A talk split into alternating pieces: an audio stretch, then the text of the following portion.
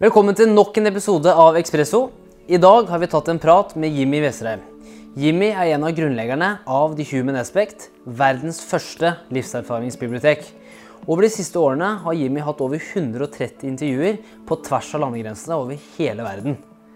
Han snakker også litt om hva slags ansvar vi har i dag som forbilder, som rollemodeller og også til og med som influensere. Og ansvar er noe du har uansett om du har 1000 følgere på Instagram eller 2 millioner. Alle må spille sin rolle, og alle må skjønne at det kan ha negative konsekvenser for de som kommer etter oss. Dette blir spennende. Her er episode to.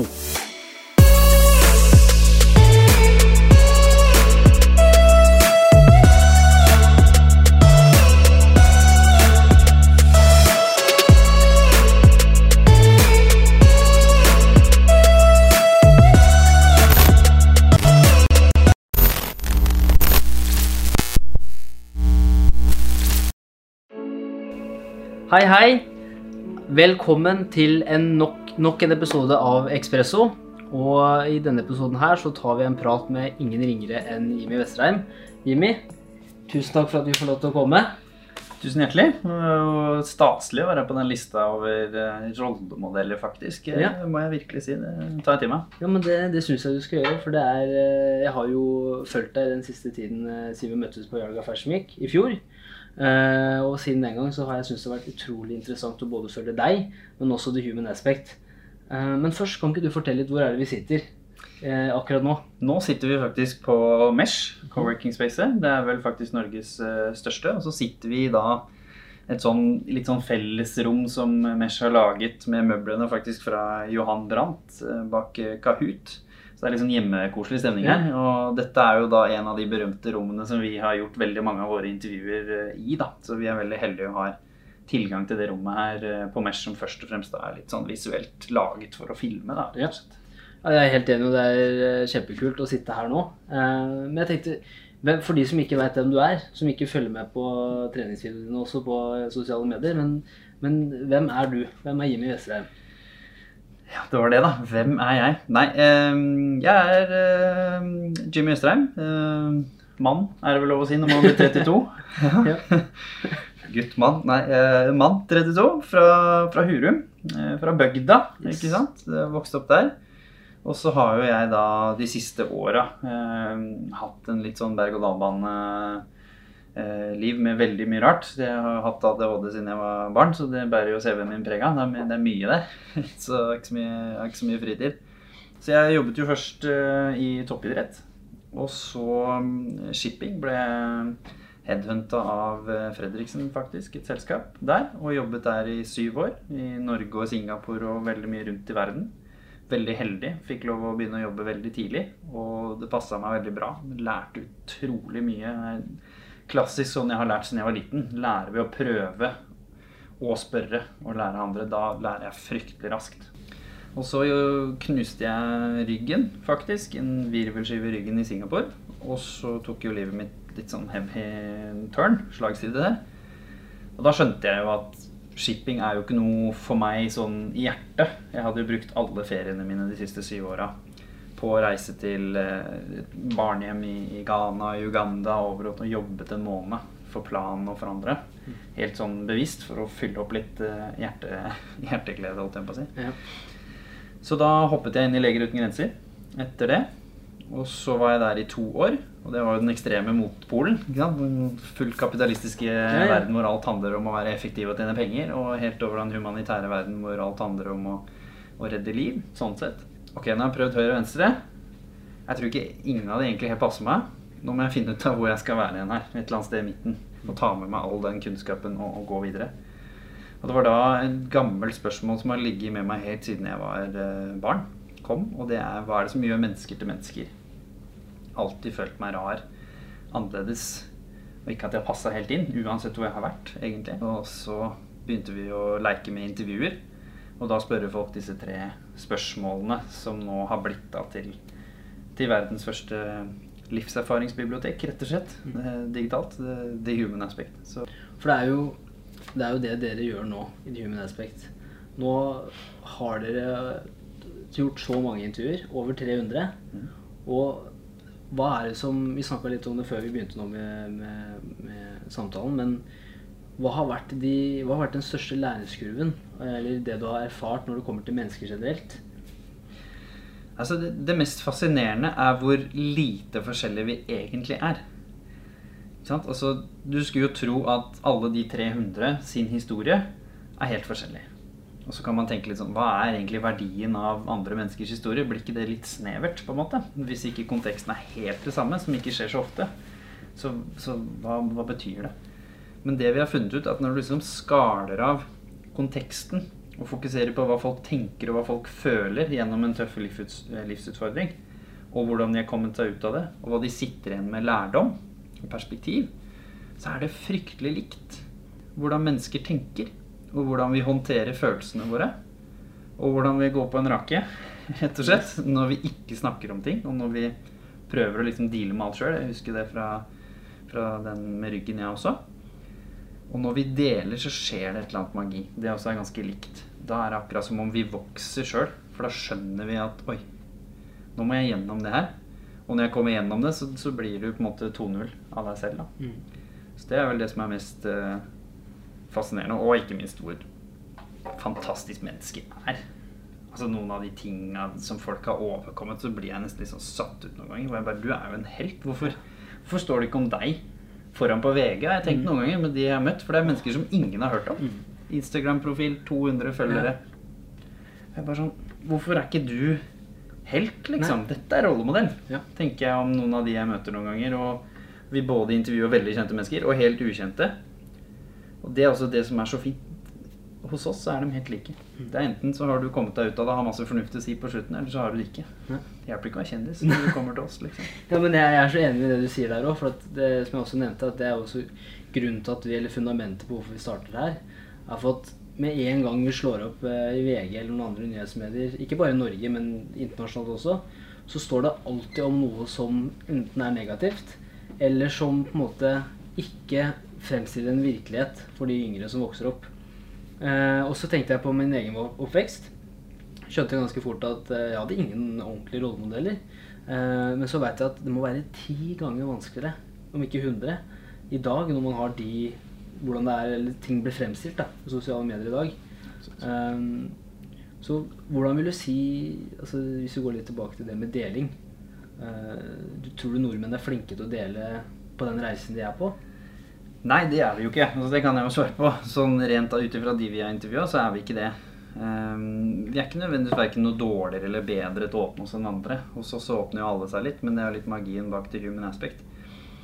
Men det virker som vi nordmenn ikke snakker sammen som vi gjorde før. Og du og jeg som kommer fra, fra bygda, der tror jeg vi snakker mer sammen enn det vi gjør i Oslo. Det er ikke noe å lure på. Her, her møter man seg gjerne litt sånn med høye skuldre og på en kafé hvor det er masse bråk. og kanskje på en, et utested eller et event. og da handler vi jo ikke i samtalen om at mamma er syk, eller noe sånt. Da er det jo litt mer sånn 'Åssen går det med prosjektet ditt?' Og, altså, det, det, blir liksom sånn overflatesnakk. Det kunne jeg egentlig ha funnet ut hvis jeg bare fulgte det på, på, sosiale medier. sant? Det er ikke noe vi egentlig trenger å snakke om. Så jeg vil vite hvordan går det egentlig. Ja. Hva ligger under?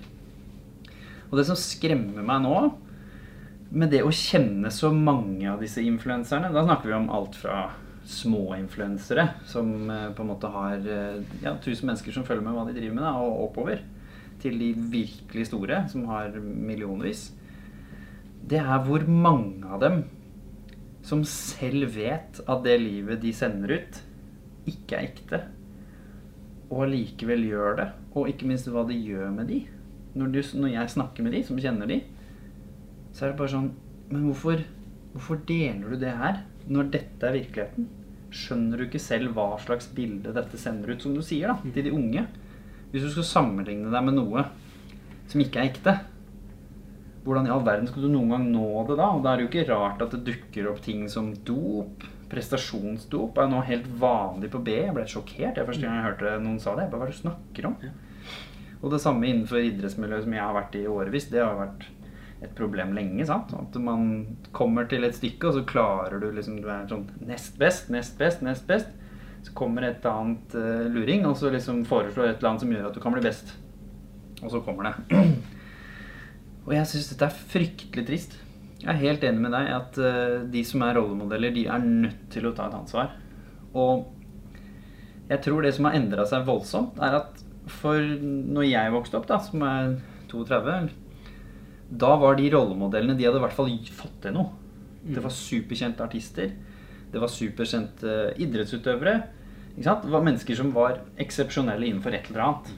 Mens nå så finnes det superkjente mennesker som ikke i utgangspunktet er eksepsjonelle innenfor noe, men som bare er veldig dyktige med sosiale medier. Det er en ferdighet, det òg. Men jeg tror ikke de er forberedt på å være rollemodeller. Det er man litt mer når du er idrettsstjerne, fordi du kjenner det litt mer på kroppen. Mens nå, da, når du har f.eks. da mange av disse bloggerne som egentlig bare startet med å dele livet sitt sant? i tekstform. Jeg bare deler jo livet mitt. Har jeg hørt flere av de si. Jeg er jo ikke noen rollemodell. Det er ikke det som er målet her. Nei, men unnskyld, du har 500 000 lesere. Hva er det du snakker om? Selvfølgelig er du rollemodell. Altså jeg som så vidt har eh, nesten 1500 følgere på Instagram, jeg er en rollemodell. Og det var jeg før jeg begynte med Instagram òg, fordi jeg hadde fem stykker fra bygda som så opp til meg. Altså, alle er vi rollemodeller hvis det er noen som ser opp til deg. Ja. Og da må du ta det ansvaret. Jeg blir så skuffa når jeg ser mennesker rundt meg som har en fantastisk kanal, og som du sier, da, egentlig kanskje er med å påvirke negativt Mhm. isteden. Og det betyr ikke at alle gjør eh, ille ting. Det gjør de på ingen måte. Men det er den derre falskheten. Og litt utfordring for de unge. De vet det, fordi det står overalt at det er sånn. Men så vet de det ikke likevel. De jeg så opp til, var jo profesjonelle fotballspillere og boksere og gud veit ikke hva. Det er klart Kroppslig sett kunne jo ikke jeg plutselig bli sånn når jeg var 15-13 og liksom begynte på gymmen for første gang. Og så så vi Holdt på å si High School Musical, var ikke det jeg mente. Med American Pie. Ja. Det var jo vår high school musical Ja. Når jeg vokste opp. Og det er den klassiske fella. De er Skuespillerne der var mellom 18 og 25. Mm. Og så skulle de være 14 til 16. Ikke sant? Sitter jeg 14 til 16, ser jeg en 18 til 25-åring kropp og tenker Hvorfor ser ikke jeg sånn ut? Og det er litt der vi er nå. Det er ikke det at de jukser på alderen, men de jukser på hvordan de egentlig er. Men det som skremmer meg mest, er at når disse 15-åringene tror at det å ta Restellan, da, eller eh, Botox eller silikon eller hva andre ting, at det er vanlig. At når de begynner å få det til konfirmasjonsgave, for å sette det litt på spissen at Det det er ikke på spissen heller. Nei, det er det, på spissen, det er det verste. Men det er jo det, det skillet. Hvor er det, det, hvor er det den grensa går, da? For hva blir den nye normalen? Nei, altså for meg er det, er det skremmende. Jeg har jo med vilje levd litt sånn, sånn antiliv i forhold til kost, fordi jeg har vært veldig opptatt av det. Du trenger ikke jukse. Det er liksom det som er greia, tenker jeg. Og derfor så er det litt med selvkontrollen også, tenker jeg. Det er sånn Har du så dårlig tid? Hvorfor skal vi tro at du må bruke Restylan? Og så er det så spørsmålet hvorfor kommer ikke de som kan det, inn? Hvorfor kommer ikke fakta på bordet? Det er sånn Hallo i luken. Du trenger ikke Restylane og er 20 år, for du har ikke rynker. Ikke? De der små strekene du har i panna di, det er fordi du er glad. Det er fordi du smiler. Det er ikke en rynke. Nei. Du trenger ikke Restylane. Hvorfor sier man ikke det? Bare sånn ferdig, og så går man inn i da, den bransjen, og så sier man Ferdig snakka. Du får ikke lov å ta Restylane før du er 35. Nei. Da kanskje du kan trenge det. Hvis ikke det er noen medisinsk grunn da, til at Ja. dette skal hjelpe. Sant? Det blir jo som plastisk kirurgi. Har du brannsår, så er ikke det det samme som å, å ta større, større bryster. Eller Så det er litt mer den der at uh, mitt fokus er hvorfor er vi ikke flinkere i Norge på å fokusere på hva gjør deg unik? Om du da er verdens beste sykepleier, eller om du er verdens beste megler, eller om du er verdens beste skiløper, så burde ikke det ha noe å si. Eller om du er verdens beste utgave av deg selv.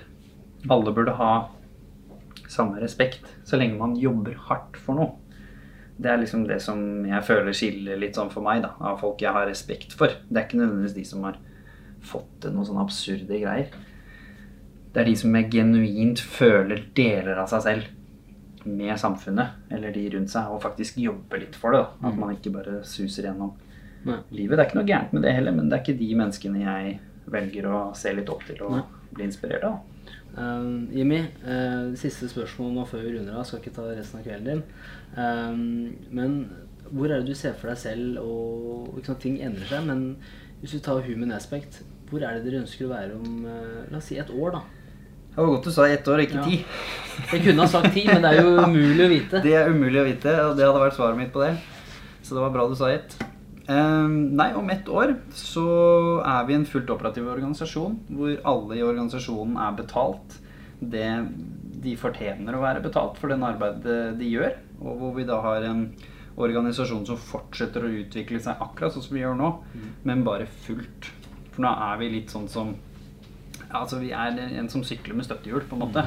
Hver gang støttehjulet subber nedi, så går det litt saktere. Ja. Men vi kan egentlig sykle. Mm. Alle kjenner seg igjen i den kiden der hvor mamma ikke tør å ta støttehjula før du er liksom 100% og så er det egentlig tre måneder siden du kunne sykle. Ja. Der er vi litt nå. Nå trenger vi den sterke fundinga som gjør at hele teamet kan få full lønn og få lov å jobbe så mye som de ønsker uten å ha den på gata sant, i Oslo. Da blir det trøkk. Og da, da vil vi skape nye ting. Da vil vi få ut enda flere historier som kan inspirere enda flere. Da blir det enda bedre. Og det er det som er fantastisk. Og vi trekker jo frem rollemodeller. Det er jo det vi gjør også. Skaper vanlige og kjente rollemodeller, men på bakgrunn av en ekte historie og en utfordring som de har kommet ut av, og hva de har lært, som de nå deler med verden. Så det er det store målet her. At alle får lov å jobbe med det de virkelig brenner for. Fordi vi er en organisasjon. Og ikke den der klassiske entreprenør-startup hvor alle må gjøre masse greier de ikke kan. Mm. Fordi det er ingen andre. Ikke sant? Det er ikke effektivt. Nei. Det er ikke da du blir best i verden. Nei. Det er trist å si det, men det er ikke det. Så vi må komme oss forbi det stadiet hvis det skal virkelig Jeg føler vi nærmer oss. Så om et år så er vi der. Konge. Jeg gleder meg til å følge med på den turen og den reisen. Og um, til alle dere som så på, så håper jeg dere har fått like mye ut av det her som det både jeg og Jon har fått. Um, og The Human Aspect er et erfaringsbibliotek hvor du kan få egne perspektiver. Du kan få erfaring og læring fra alt fra depresjon til å kunne forme sin egen identitet. Og det er som du har også snakka om, Jimmy, jeg er helt enig, og vi trenger flere som tør å vise svakhet, men som også tør å vise en virkelighet som sånn det egentlig er. Og det er det kanskje morgendagens gründere trenger å få eh, lære mer om. Tusen takk.